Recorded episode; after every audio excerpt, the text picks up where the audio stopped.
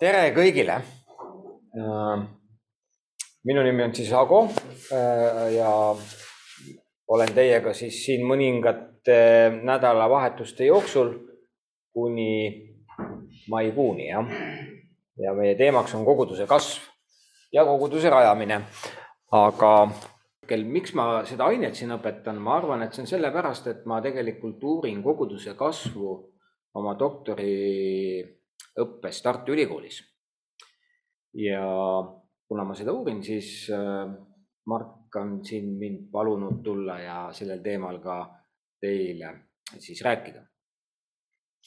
nüüd, äh, mida veel alguseks öelda? Äh, ma teen siis niimoodi, et täna ma teiega ei, ei räägi kõik need loenguajad, mis meil tulevad, ma vaatan need Margiga veel korra üle, et mis kuupäevad täpselt ja mida Te näete tunniplaanis seda nagunii, aga mida ma kindlasti tahan teile siis nüüd näidata, äh, võtame selle siit praegult, ma libisen siit üle, see pole hetkel oluline. Äh, vaatame, kus. Äh, ahah, jätke need kuupäevad ära, aga vaatame korra kirjalikud tööd, kirjalikud tööd. selles aines lisaks loengutele tuleb teil teha kaks kirjalikku tööd ainekava ma vaatan veel korra Margiga üle, ma tegin selle valmis äh, põhimõtteliselt, ma vaatan Margiga tunnid, loengud üle ja siis te saate ka ainekava. Äh, ma mõtlen täpsete kuupäevadega. kirjalikud tööd on lihtsad. esimene kirjalik töö on koguduse kasvu essee. ja see tähtaeg on esimene mai selle essee kirjutamisel olge palun tähelepanelikud ja lugege äh, aine kirjeldusest täpselt, mida selle esseega on nõutud. asi on selles, et see aine on teil hindeline, te saate hinde, see ei ole arvestatud või mitte arvestatud. ja selles mõttes jälgige neid nõudmisi, mis essees on. Äh, ma ei taha, et see essee on pikem kui kaks lehekülge kui see läheb väga palju pikemaks, siis see võtab hinnet alla. mis tähendab, et teie mõtted peavad olema kontsentreeritud ja läbimõeldud. ja teine on koguduse rajamise projekt. teine kirjalik töö tähendab seda, et te põhimõtteliselt planeerite koguduse rajamist see tähtaeg on nii kaugel sellepärast, et meie viimastes loengutes me räägime koguduse rajamisest ja teil läheb seda infot ka seal vaja. aga koguduse rajamise projekti kirjutamise puhul samamoodi jälgige nõudmisi. ja jälgige seda struktuuri, kuidas te seda projekti kirjutate.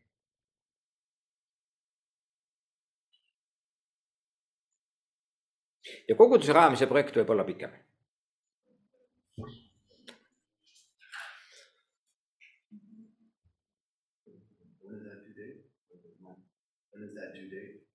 What is done? The date that the final project is. The final project, uh, uh, the church planting project needs to be uh, done thirtieth of May. jah, kolmekümnes mai. -hmm. see võib olla varem. aga kolmkümmend mai. ma soovitan teil kohe pärast tänast loengut Äh, niipea, kui teil on ainekava nii-öelda olemas, lugeda, mida need tööd tähendavad. ja kui teil on küsimusi, siis äh, kirjutage mulle. kõige lihtsam, et te kirjutate mulle Messengeris, Ago Lilleorg. Äh, kui teil on küsimusi, eks ole. ma olen olemas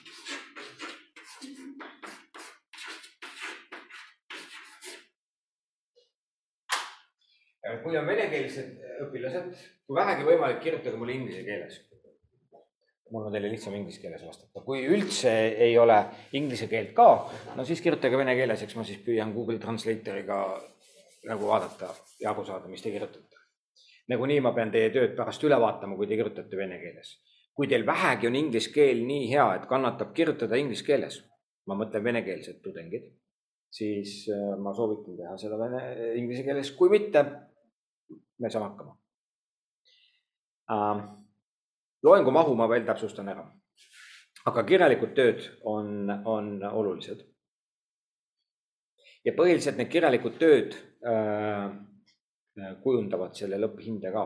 loengus osalemine on oluline, sest see aitab teil neid töid paremini teha aga no ma tean, et siin koolis on nii korralikud õpilased, et kõik on loengus ja selles mõttes kõik äh, toimib. Nii, kas teil on mulle küsimusi? küsige midagi. Yes, good evening. Uh, is there good morning, not evening? I'm still sleeping. Is there PowerPoint in English somewhere? The PowerPoint is available in English from the last year in uh, in Moodle Uh, under okay. the under the code of PRT three zero six. Can can you send the code on the chat or repeat it? Sorry, Can I send the code? How I can send it? I don't know. I I don't see it anywhere. I am not uh, personally in Zoom. sinna ekraani peale saab kirjutada, kui need töötasid, siis. nii, aga need pliiatsid ei tööta.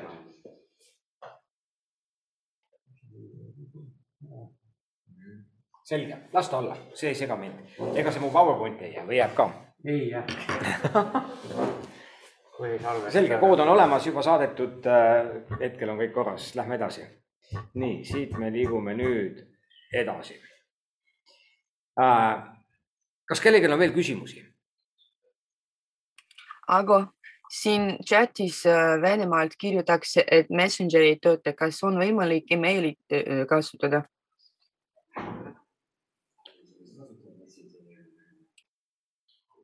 See pandi ju kinni. sanktsioonide tõttu ei tööta Venemaal. aa, ju kinni. okei, ei, kõik vist töötab see pliiatsid sisse. see pliiats töötab jah, ma, ma lihtsalt mõtlen, et ma, ma mõtlen, et mis suhtluskanali ma teile veel siis teen, meili peale või? noh, ta ütles, et meili peale saab. meil on parem. kiirem, aga meiliga ei ole nii kiire.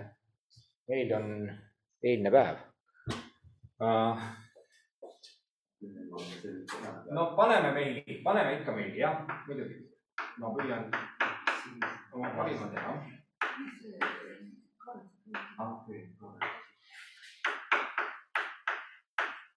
hiiglaud.com. nii. nii hiiglaud. aga meie ei näe siin. Teie ei näe mind jah, ma, ma püüan siis siia ka kirjutada.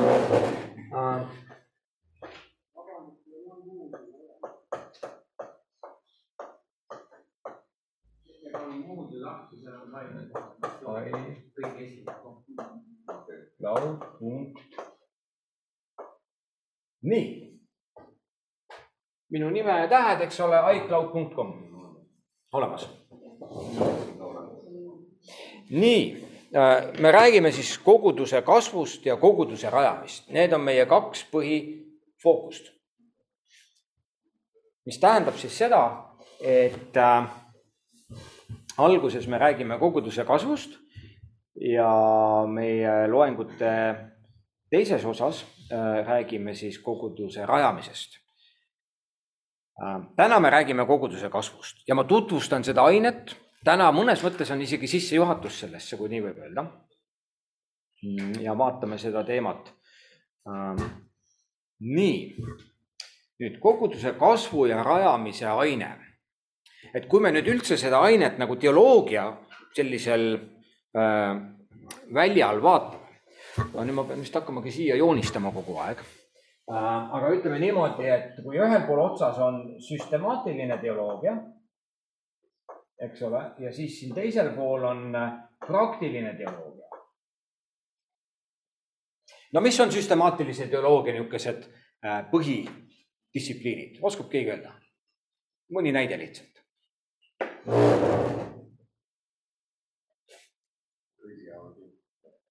Ecclesiology, you mean here?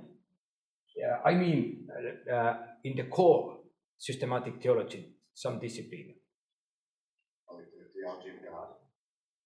exactly mm. -hmm.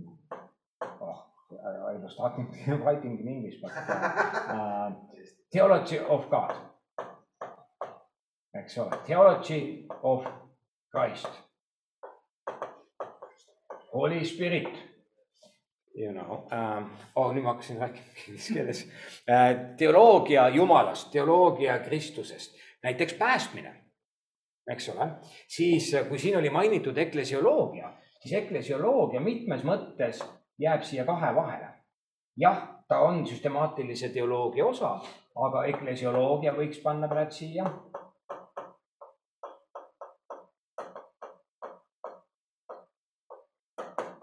no siia võiks panna ka veel näiteks missioloogia.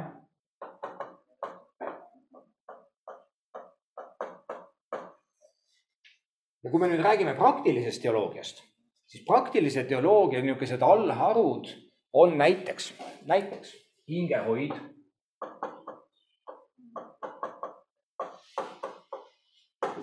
pastoraalne teenimine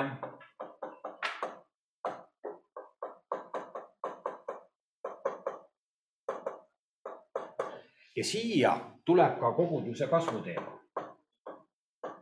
miks ma seda räägin? koguduse kasv. et, et teoloogia, eks ole, on niisugune nagu üks tervik ja seal on teoreetiline osa, mis on väga palju siin, kus me räägime teoreetiliselt äh, erinevatest õpetuslikest pidepunktidest. usutunnistused esimestel sajanditel tulenesid just nendest vaidlustest, mis toimusid siin. nüüd siin on niisugused valdkonnad, mis on siis niisugune nagu vahepeal, et see on praktilise teoloogia ja süstemaatilise teoloogia nagu niisugune nagu, nagu kese, kui nii võib öelda, siin vahepeal, kus on eklesioloogia, missioloogia, niisugused klassikalised, niisugused süstemaatilise teoloogia distsipliinid, aga need ühenduvad juba praktikaga ja siis on terve hulk erinevaid valdkondi, mida me käsitlemegi praktilise teoloogia all ja neid valdkondi on siin veel. ma lihtsalt tahtsin näidata, kus koguduse kasv asub. sellel teoloogia suures pildis.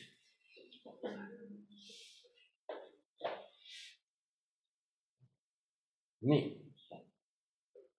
ja nüüd, kui me vaatame siis, milliste valdkondadega on ka koguduse kasv seotud siis mida me näeme? me näeme, et siin on teoloogia, eks ole, teoloogiaga seotud.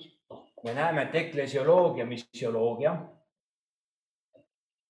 ja nüüd me korraga näeme, et koguduse kasv ei olegi seotud ainult teoloogiaga. siin on, eks ole, teoloogia kui usuteadus. vaid et siia tulevad ka veel teoloogia välised distsipliinid nagu näiteks sotsiaalteadused sotsiaalteadused, kulturoloogia, ühiskonnaõpetused, ajalugu, muidugi ka kiriku ajalugu. nii et mida me näeme siis, on see, et koguduse kasv kui praktilise teoloogia allharu ammutab nii-öelda tööriistu ka teoloogia väliselt see on oluline nagu, oluline pidepunkt või oluline asi.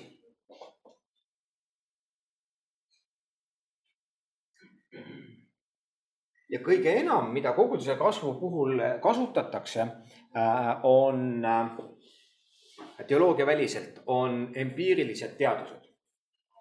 Vali-, kvalitatiivne ja kvantitatiivne uurimus, empiirilised uurimused, eks ole, sotsiaalteaduste nii et selles mõttes äh, see on üks väga oluline tööriist koguduse kasvu äh, nagu käsitlemisel.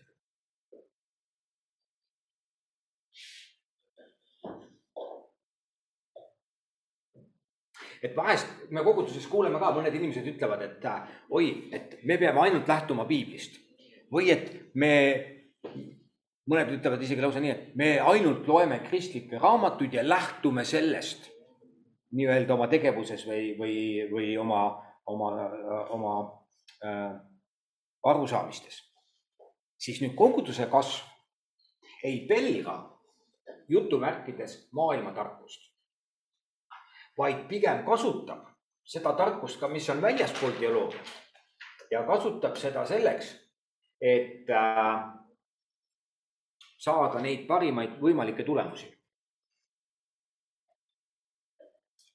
On kogudusi, kes äh, nagu keskenduvad ainult sellele, mis piibel ütleb ja muu ei ole oluline üldse, vahet pole.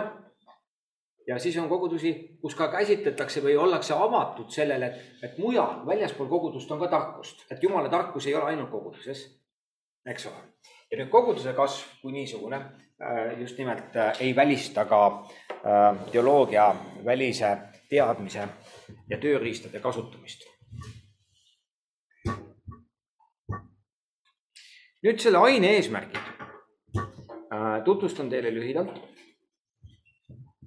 ma tahan teile siis anda ülevaade koguduse kasvust, sellest valdkonnast üldse ja kuidas see on kujunenud. kuidas on jõutud sinnamaani, et see koguduse kasvu valdkond on siin üks praktilise teoloogia allharu. Siis me kindlasti tutvustame erinevaid koguduse kasvu käsitlusi ja mudeleid.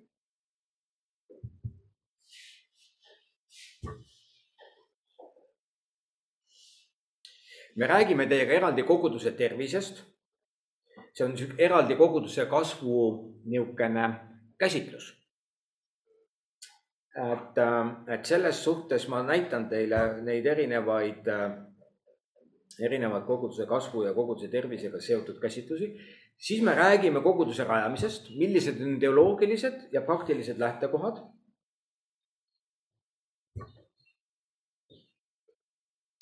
nii, aga nüüd, mis on siis koguduse kasv? meil on õpilasi ka üle interneti. kui mina nüüd kahjuks ei näe seda chati, aga ma saan siit äkki ikkagi vaadata et, äh, et teeme siis nüüd niimoodi, et äh, kuidas meil on, meil on erineva keelega inimesed siin, et teie, teie olete vene keeles pigem, eks? eks ole, nii ja inglise keeles ka, jah? natuke on sealt, aga ta on kaugel, eks ju. -hmm et ma lihtsalt tahaksin nüüd, et natukene kõik mõtleksid ja teeksid mõned omapoolsed ettepanekud, mis teie arvates on koguduse kasv? ja miks me sellest üldse peaksime rääkima? et teeme niimoodi, teeme gruppidesse, teie grupp. nii, nii, meie aeg on nüüd läinud. ma praegu katkestan siis nüüd meid ma natuke vaatasin, mida kirjutasid mõned tudengid äh, ka sinna chati. Soile Mattila, aitäh sulle. Äh, väga head mõtted. ja siis samuti kirjutas sinna veel hmm, Loida Rapko, jah. Mhm, ma ei tea, kust sa tuled, aga.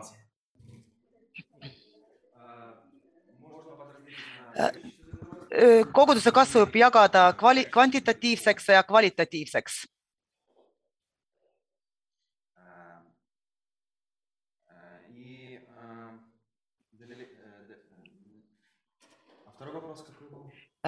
Почему мы должны об этом говорить?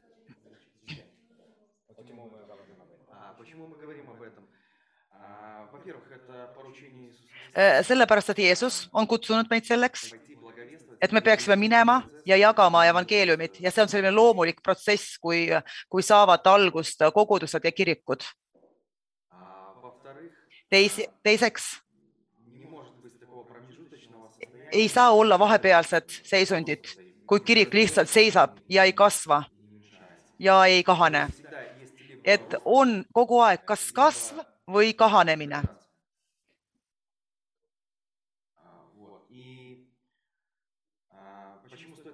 ja mikspärast me, me peame rääkima sellest? sest, sest selleks, et kirikus poleks degrade, degradeerimist, et kirik ei muutuks sooks.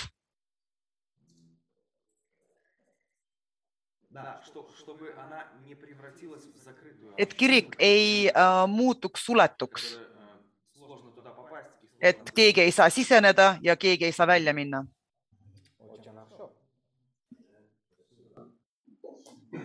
Genauso.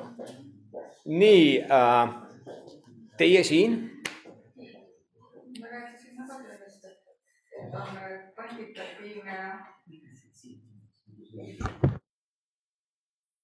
kvalitatiivne kasv, et, et räägime seda siis sellepärast, et me ei ole nagu rahul, see kasv iseenesest ei toimu, et selleks peab midagi tegema.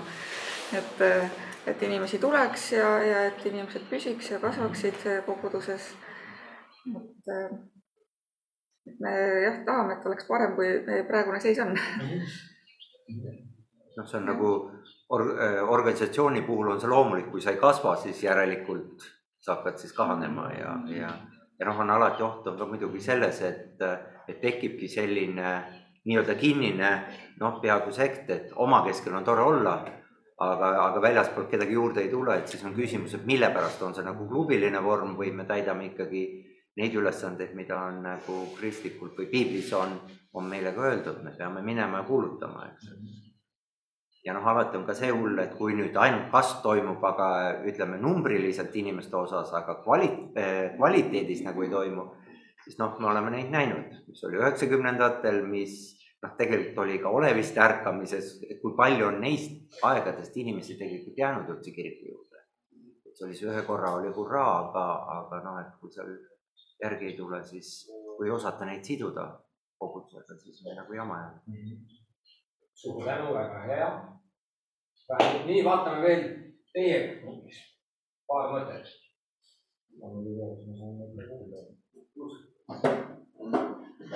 Pod ehtida? jah.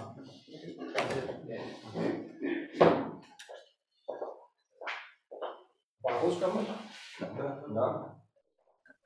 На русский канал тогда, может быть, да? А, ну окей, давайте так. А, окей. Мгм. Вы скорее ответили на вопрос не что такое род церкви, а как А, ему способствовать. et me vastasime mitte sellele , et mis on koguduse kasv , mis , mis , mis soodustab kasvu ja me mõtlesime , et soodustada äh, koguduse kasvu võib läbi evangeeliumi kuulutamise , läbi hingehoiu. et näiteks vanad äh, liikmed ei lahkuks ja samuti äh, in, investeeringud koguduse poolt äh, nagu kinnisvarasse, koguduse hooned ja sellised asjad. miks see on oluline? sest see on meie eesmärk elu, elu eesmärk, et me tahame laiendada vaimulikku, et me vaimulikult tahame mõjutada inimesi ja kasvatada neid nagu Siemens League. ma ütlen nagu Siemens League. nii, sa said midagi mu heaks teha? ma tänan, ma tänan, ma tänan, siis ma vajalikul hetkel panen selle sisse. nii, nii, ma annan teile ka mõned mõtted veel. see, mis te ütlesite, on absoluutselt äh, tõsi äh, ja minu meelest need olid väga-väga head ja nii-öelda asjakohased mõtted, mis näitasid, et see teema ei ole teile üldse nii võõras aga miks siis on koguduse kasvu vaja? koguduse kasvu, tuletame uuesti meelde, süstemaatiline teoloogia, praktiline teoloogia. praktilise teoloogia üks allaarvu on koguduse kasv. et, et see praktiline nii-öelda teoloogia tegeleb siis ka koguduse kasvu mõttes uurimisega, millised on eeldused, et inimesed tuleksid kogudusse ja kogudus kasvaks ja millised on takistused et koguduse kasvu puhul me räägime kahest niisugusest olulisest komponendist. üks on koguduse kasvu takistused ja teine komponent on koguduse kasvu eeldused, mis põhjustavad kasvu, eks ole, et kaks, kaks aspekti. ja kuidas me muidu mõistame seda, kui me ei uuri seda? minu kogemus, ma olen olnud üle, ma pean nüüd mõtlemagi kaua, ligi kolmkümmend aastat ma olen olnud koguduse tööga seotud minu kogemus on, et kogudustes me tihti hindame seda seisukorda lihtsalt niimoodi. vaatame, kus see tuul puhub ja siis ütleme, et seda nüüd on vaja või toda ei ole vaja või nüüd on asjad nii, nagu nad on ja lihtsalt arvame midagi. ilma, et me tegelikult uuriks. nüüd koguduse kasv, kui distsipliin hakkab uurima, hakkab sisse vaatama, tunneb huvi, mis on need sügavamad põhjused, eks ole. nii et, et see sõna uurimine on siin hästi tähtis näiteks, kuidas inimene saab kristlaseks. see tundub, et see on evangelisatsiooni teema. ja te rääkisite õieti, et evangelisatsioon, ma lugesin neid äh, chat'is ka äh, neid arvamusi ja seal oli ka mainitud evangelisatsiooni. et selles suhtes äh, äh see on väga oluline küsimus, mis konkreetses ühiskonnas aitab inimestel jõuda usuni näiteks üks valdkond koguduse kasvu uuringute juures on demograafia, see on siis nii-öelda rahvastiku uuringud, mis ei ole otseselt teoloogia distsipliin, rahvastiku uuringud. kaasatakse selleks, et uurida, mis näiteks Eestis toimub ja aitab inimestel saada kristlaseks. mis aitab inimestel saada kristlaseks Venemaal, Ukrainas, Ameerikas. ühiskonnad ja kultuurid on väga erinevad. see, mis toimub ühes kohas, ei pruugi toimida teises kohas nüüd teine teema, mida te ka mainisite juba ja väga targalt, et koguduse kasvu uuringud tegelikult tegelevad ka nende põhjuste avastamisega, mis toetavad seda, et inimesed hakkaksid vaimulikult kasvama koguduse keskkonnas pärast seda, kui nad on pöördunud.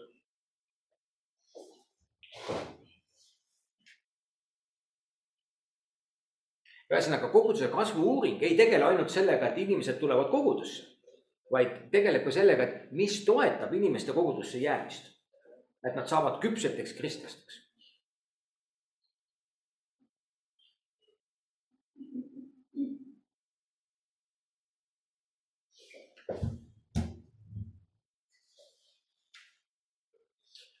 miks? ma võtan täitsa Tallinna näite lihtsalt täitsa suvaliselt, ilma et ma mõtleks konkreetselt mingeid nimesid. aga miks see kogudus siin tänaval nurga peal kasvab? Ja inimesed tulevad ja jäävad ja pühenduvad ja uued tulevad ja asi läheb. ja täpselt samas linnaosas järgmisel tänavanurgal on kogudus ja ei kasva. What's the problem, eks ole. ja nüüd me jõuame sellise teemani nagu koguduse tervis. me veel ei ole selleni jõudnud, aga lihtsalt, et me saame aru, et koguduse kasvuga on hästi tihedalt seotud selle koguduse sisemine kliima, tervis, mis seal koguduse sees toimub sest inimesed võivad tulla, aga kui seal sees ei ole terviklik, tervislik kliima, siis need inimesed ei jää, nad lähevad ära.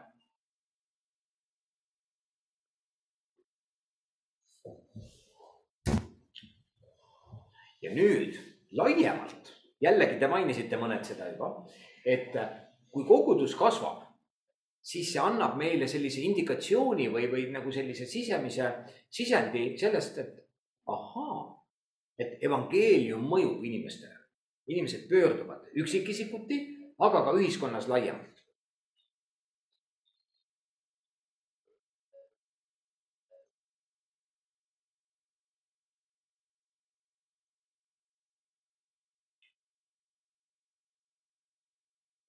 nüüd seda teemat ma täna teiega siin ja kogu selles loengusarjas käsitlen ikkagi akadeemilises kontekstis eks ole, et ta nagu ütleme nii, et see minu käsitlus läheb natukene sellest nii-öelda võib-olla kõige väiksemast ja madalamast koguduse töö ja igapäevaelu tasandist natukene kõrgemale tasandile, abstraktsemale tasandile.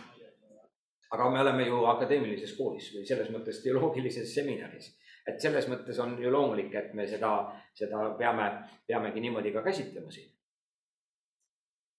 nüüd vaatame siis seda teemat natukene edasi termin, termin koguduse kasv.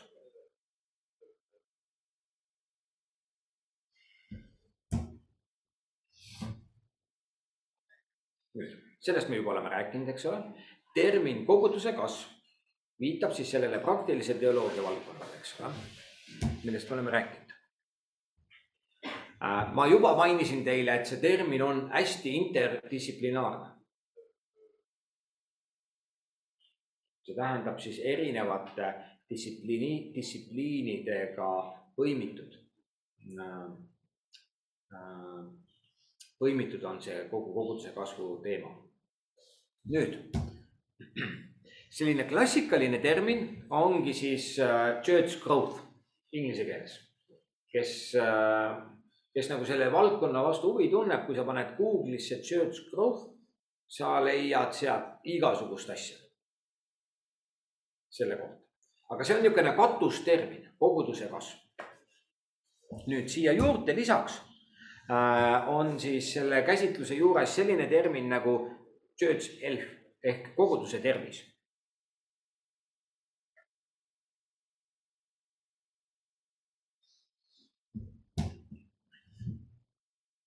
siis te leiate erialakirjanduses sellise termini nagu church development. Koguduse areng või koguduse arendamine.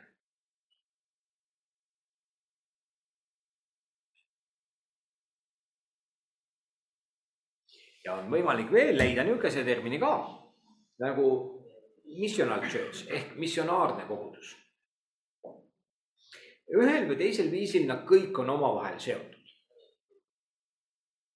nende kõigi puhul on kasv kui niisugune nagu, nagu üks oluline komponent kogu nende käsitluste juures. hiljem ma näitan teile täpsemalt, aga ütlen siin ette ruttavalt. et äh, koguduse kasvu puhul kasv on eesmärk. selline ultimate goal ehk, ehk niisugune eesmärk, mille poole püüeldakse ja kogu asi tahetakse panna nii-öelda kasvu suunas tööle kasv on eesmärk. Koguduse tervisekäsitluses kasv on tulemus.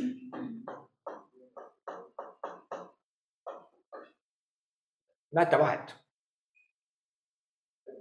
on vahe, eks ju? et kas sa sead, sa oled noor perekond, sul on naine või, või sul on mees, eks ole, sa oled alles abiellunud ja nüüd äh, siis äh, äh, noh, on võimalik kahte moodi vaadata, et lapsed on eesmärk või lapsed on tulemus. on ju? Äh, et selles mõttes koguduse kasvu puhul siin on nagu sama asi. et äh, ma tutvustan teile seda kontseptsiooni oluliselt lähemalt järgnevate loengute jooksul. koguduse areng ehk church development on selline, selline käsitlus, kus põhimõtteliselt me räägime sellisest strateegilisest koguduse arendamisest. nüüd teeme seda, nüüd teeme seda, nüüd toimib see, nüüd toimub see, nüüd me saame seda, nüüd tuleb inimesi ja nüüd meil on ärkamine. Ühesõnaga selline strateegiline planeerimine hästi palju käib selle church development'i nagu käsitluse juures. missionaarne kogudus, seda ma tutvustan teile ka lähemalt, sügavamalt siin, äh, siin ikkagi on ka eesmärk. ja siin ka pigem on tulemus. Missionaarne kogudus äh, on selline käsitlus, kus äh, nii-öelda äh, pigem käsitletakse koguduse kasvu kui sellist äh, tagajärge jällegi või, või ka tulemust, nagu ma siin mainisin, aga ma hiljem räägin sellest rohkem. see põhimõte, kuidas ma üldiselt asjadele ise lähenen ja kuidas ma üldiselt ka oma õpetamises inimesi nagu võtan endaga kaasa, on see, et me lähme üldiselt üksikule. me vaatame suurt pilti ja siis hakkame sealt minema natukene väiksemaks, eks ole. et, et luua nagu see tervik, kuvand et kus me nagu oleme, kus see teema on ja kuidas me seda teemat saame mõista või käsitleda. Nüüd ma teen vahepeal eh, väikese pausi selles võtmes, et täpsustada ära teiega nüüd tänane loenguaeg. Eh, kas teil, kas teile on see okei okay,, kui me läheksime praegult ühe soojaga ja me lõpetame teiega mõni minut enne kahteteist?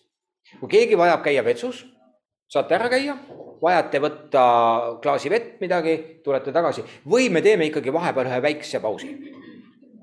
tõlgid vajavad pausi vist ka, eks ju? On ju, et see on ka nagu oluline. Äh, kuidas teil on olnud tavaliselt need pausid? ma mõtlen, et äh,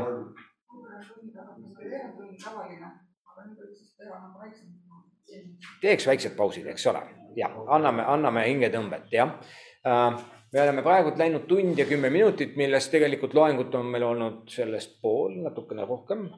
Ähm, et läheksime praegult siis pooleni ja siis teeme pausi. Jah, siis meil on praegu veel kakskümmend minutit niimoodi minna, tõlgid ka teavad, et arvestada ja kui teil on mingeid vaja telefonikõnesid või asju teha vahepeal, siis saate seda ka planeerida. nii. nüüd siin on kaks koguduse kasvu definitsiooni. definitsioon. Ja, ja selles võtmes ikkagi koguduse kasvuga tegelevad äh, nii-öelda erialainimesed ütlevad, et koguduse kasv on teadusharu. see ei ole lihtsalt niisugune suvaline asi, mida me lihtsalt võtame ja teeme niimoodi juhuslikult, vaid et me kasutame siin teaduse tööriistu või teaduslikke tööriistu.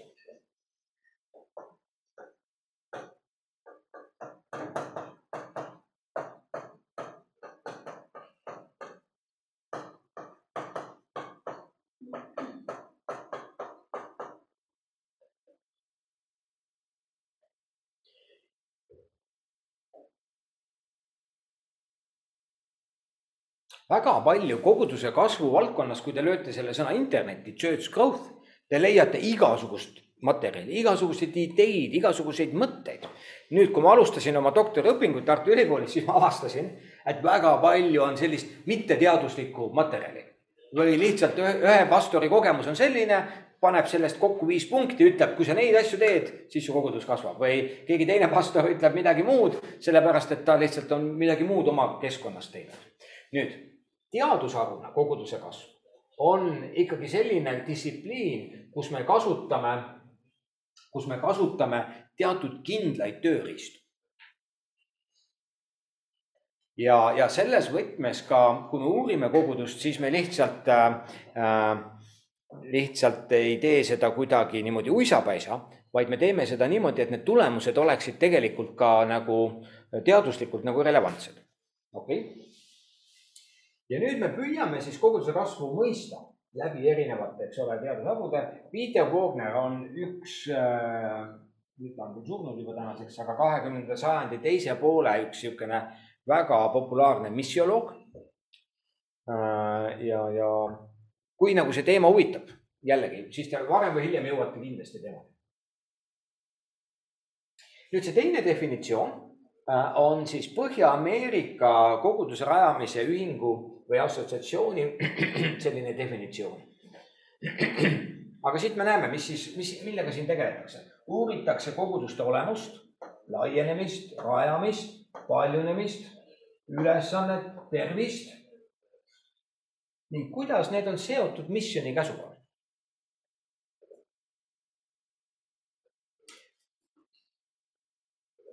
niimoodi, te ise mainisite seda juba, aga missioon ja koguduse kasv on nagu kaks omavahel väga tihedalt seotud asja. ühesõnaga, me ei saaks rääkida koguduse kasvust, kui me ei räägi missionist. ja kui me räägime missionist, siis kui kogudus ei kasva selle tulemusena, siis midagi on missioniga valesti. see tähendab, et kui inimesed ei jõua kogudusse nad ei jää kogudusse ja vaimulikult ei kasva koguduses, siis see missioon on tühi töö.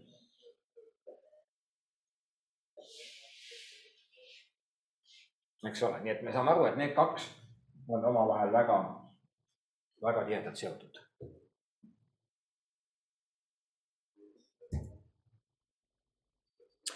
nüüd, kui me räägime koguduse kasvust, siis äh, mida me mõõdame? Mida me mõõdame? meil on erinevaid võimalusi, kuidas me võiksime koguduse kasvu mõõta.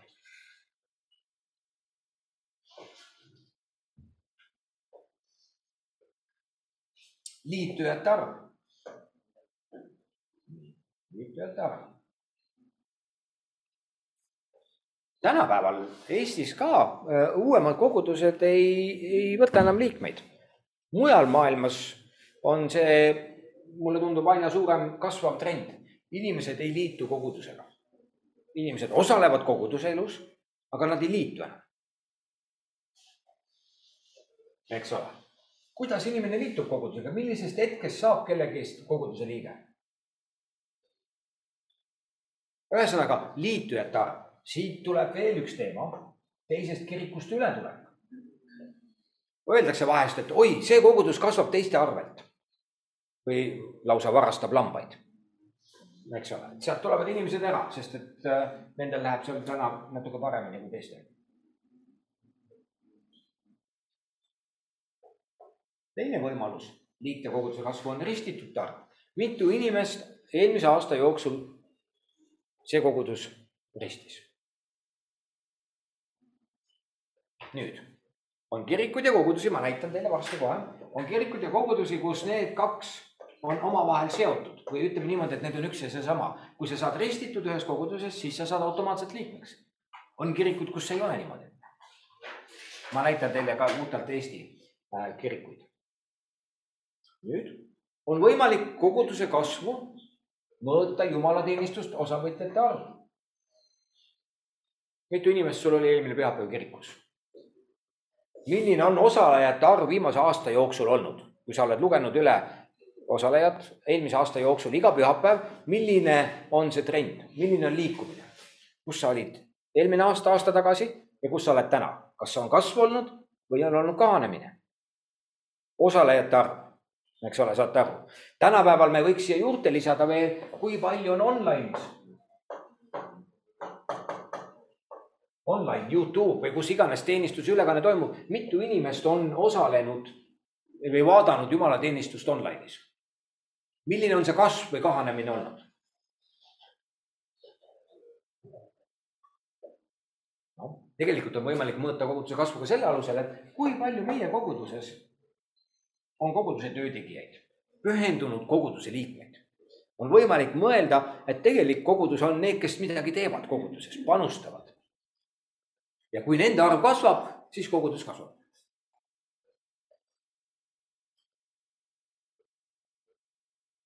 Nii et, et see küsimus, mida me mõõdame, on vaja nagu kokku leppida, kui me räägime koguduse kasvamisest.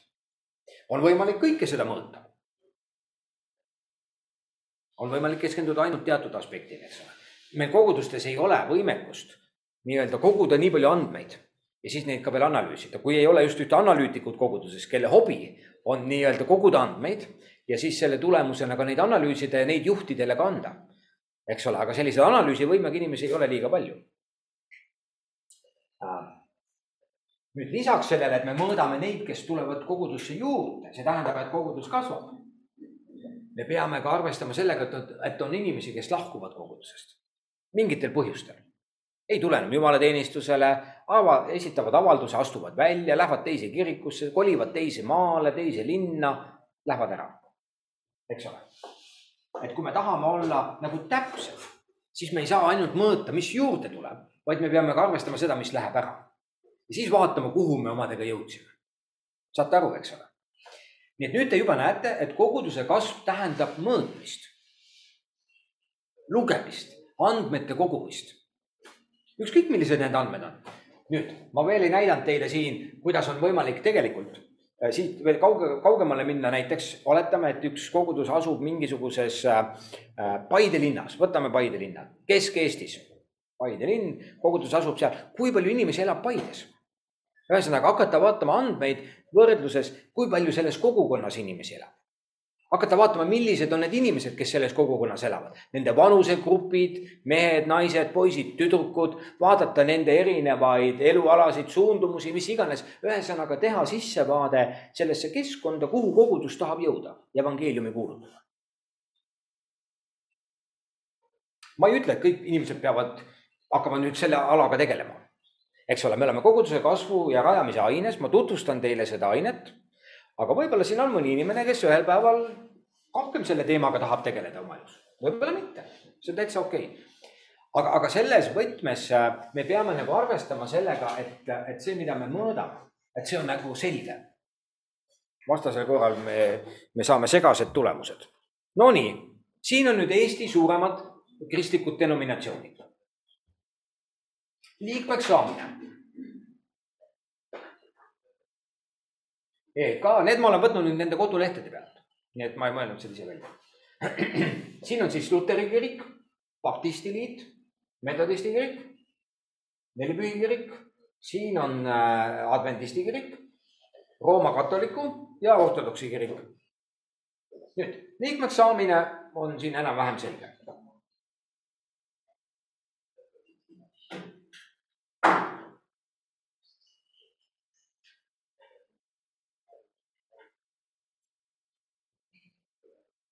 Valdavalt kirikutes on liikmeks saamine läbi ristimise, kui inimene saab ristitud, siis ta saab koguduse liikmeks, see on, see on üldiselt valdav.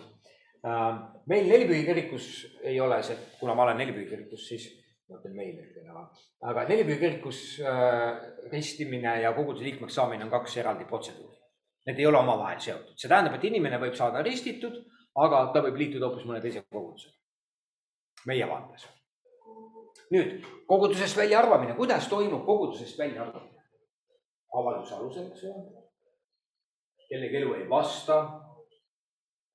piibliõpetusele võib välja tõsta avalduse alusel, avalduse alusel.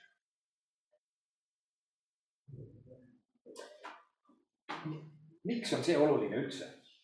ma ütlen niimoodi, üldiselt sektides, nüüd negatiivses mõttes, sektides äh, välja astuda ei ole võimalik. Et kui kuskil on organisatsioon, kes ei ütle ära, kuidas on võimalik väljuda, siis olge ettevaatlikud. see on lihtsalt ekskursi korras kommentaar. et aus on kohe oma inimestele ka öelda, kuidas on võimalik väljuda, kui sa mingil põhjusel enam ei taha siin olla muidugi, kui meie oleme see jumala riik, eks ole, siis kui meie juurest sa lähed välja, siis põhimõtteliselt sa astud jumala riigist välja ja sellist mõtlemist kogudustes on, ma ütlen, ohtlikult palju.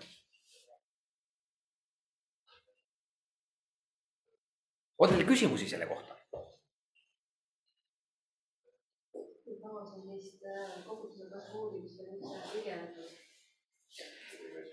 Eestis põhimõtteliselt ei ole seda tehtud maailma praktikas äh, ühe slaidi peal ma natuke näitan, aga ütleme niimoodi, et põhimõtteliselt see koguduse kasvu idee kui niisugune praktilise teoloogia valdkonnas, kus kaasatakse ka teoloogia välisi distsipliine, sai alguse sellisest mehest nagu Donald McCowan.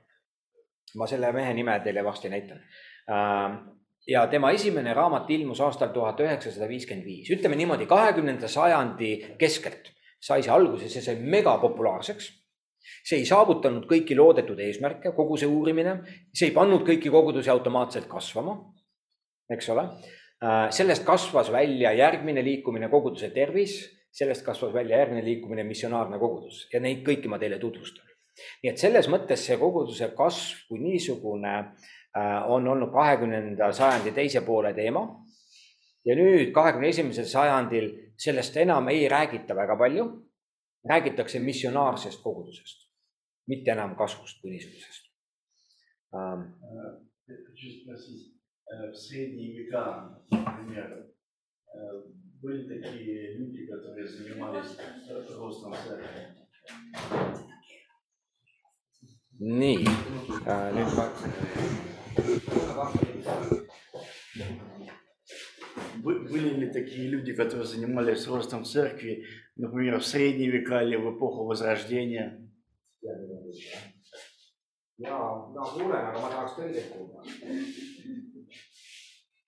nii, kas sa saad seda küsimust mulle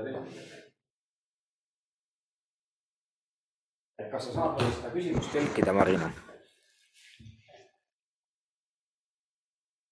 Kas keskaajal või teisel epohhil olid ka need inimesed, kes tegelesid koguduse kasvuga. aitäh äh,, siis ma näitan teile varsti kogu kiriku ajaloo teljel seda teemat, jah mm. -hmm. nii et natuke kannatust ja siis ma näitan kogu selle suure pildi mm. -hmm. ahah, nii, nii. Nüüd kuulen hästi, jah Да, можно. Не, Марина.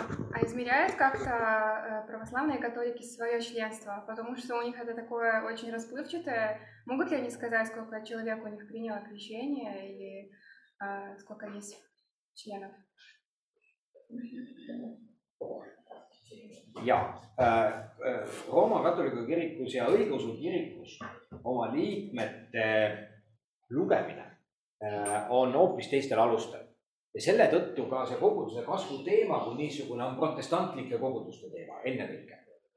Äh, nüüd äh, ilma, et ma oleks seda teemat väga sügavuti uurinud, aga põhimõtteliselt äh, katoliku kirikus õigeusu kirikus on koguduse käsitlus selline üldine ja üldistatud. see tähendab seda, et kui noh, näiteks ortodoksid kasvõi siin Eestis loevad rahvusepõhiselt, ma mõtlen nüüd näiteks Moskva ortodoksi kirik loeb rahvuspõhiselt kõik venekeelsed inimesed oma koguduse liikmeks. ongi valmis. ja selle tulemusena nad ütlevad, et nad on kõige suurem kirik Eestis. ma hetkel ei kommenteeri seda selles mõttes, et see on see seisukoht, mida nemad on väljendanud. aga teiselt poolt äh, äh näiteks äh, kui me võtame siin Eestis katoliku kiriku, siis äh, katoliku kiriku puhul ah, ja juba see ei tööta. ongi nii või no.? okei okay., et, et katoliku kiriku puhul Eestis jällegi need numbrid on täpsemad, aga jällegi ka üldiselt üldistatud. ja nüüd ma võiks siis äkki ütelda kommentaariks isegi niimoodi, et, et kirikud jagunevad ka erinevateks sellisteks oma ülesehituselt ja ütleme, sellised rahvuskirikud näiteks Luteri kirik ka samamoodi, tegelikult loeb oma riik, liikmeid rohkem üldistatult. meie siin äh, baptistid, äh, metodistid, adventistid, äh, meie nelipühi kirik ei ole selles olnud väga hea, kui peab nõus olema. me, me ei ole nagu väga täpsed. aga ütleme niimoodi, et näiteks EKP Liidul on nii, et ühe inimese kaupa, ühe inimese kaupa öeldakse, mitu liiget nendel on. adventistid loevad meeletu täpsusega. mul on täpsed andmed nende kohta eks ole, metodisti kirik loeb väga täpselt. Äh, aga siin teised suuremad kirikud loevad niimoodi üldistatud numbrites ja siin üks käsitlus selle juures on see, et kui näiteks üks pereliige on äh, koguduse liige, siis loetakse kõik pereliikmed sisse. et me teenindame kõiki pereliikmeid. me teenindame kõiki ja see arv nii-öelda, mitu koguduse liiget on, korrutatakse kolme või nelja või viiega, mis iganes. ja need andmed ongi niisugused, et sa täpselt ei tea, mis nendega peale hakata kas see aitas natukene, jah mm? -hmm. Eesti suuremad denominatsioonid. nüüd, kui me räägime ristimisest, eks ole, et, et eelmine slaid siis oli, oli siin. see veel ei ole konkreetselt, aga see tuleb ka Moodle'isse jah. et kui me räägime näiteks ristitud inimeste arvu mõõtmisest, sest paljude koguduste puhul me näeme, et ristimine on see, mis teeb ka inimesed liikmeks. ristimine on veel üks oluline nagu, nagu aspekt selles mõttes, et ristimine näitab inimese pühendumist, et ta juba läheb ristimisele, see ütleb, et tal on nagu tõsi taga. kuigi noh, lõpuni me ei saa ju igat inimest kontrollida, kui tõsi või mis tal on.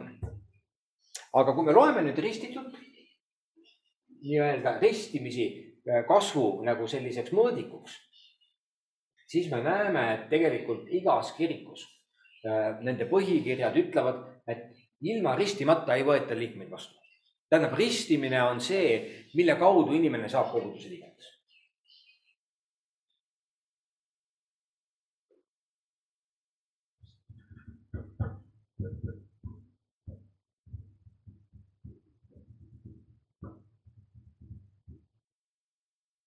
See on niisugune klassikaline lähenemine.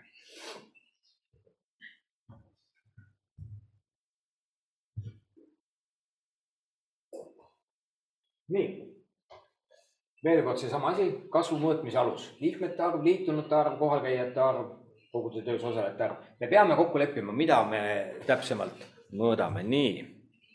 ja nüüd ma näitan teile siis enne, kui me läheme pausile kohe, näitan teile siis viie Eesti suurema protestantliku kiriku andmeid.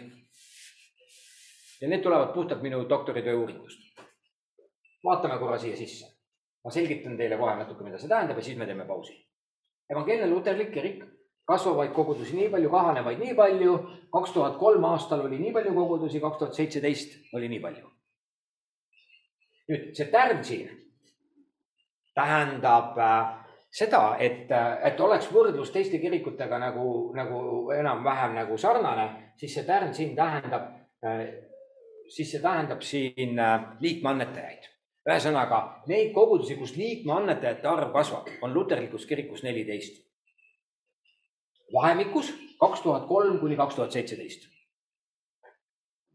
ja mina oma uuringus just uuringi neid kogudusi, kes on kaks tuhat alguses juba olemas olnud ja kes äh, nii-öelda pärast seda iseseisvumise ärkamise aega jutumärkides siis, kui nii-öelda äh, tegutsesid Eestis ja pidid hakkama nii-öelda ise hakkama saama ilma välisabita ja ilma mingisuguse suurema toetuseta väljapoolt.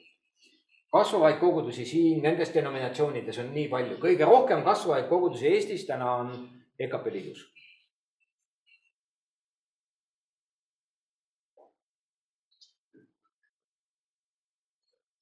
Ja kahanevad siis ka vastavalt, kuidas kuskil, eks ole. nii et siit me näeme nagu seda üldpilti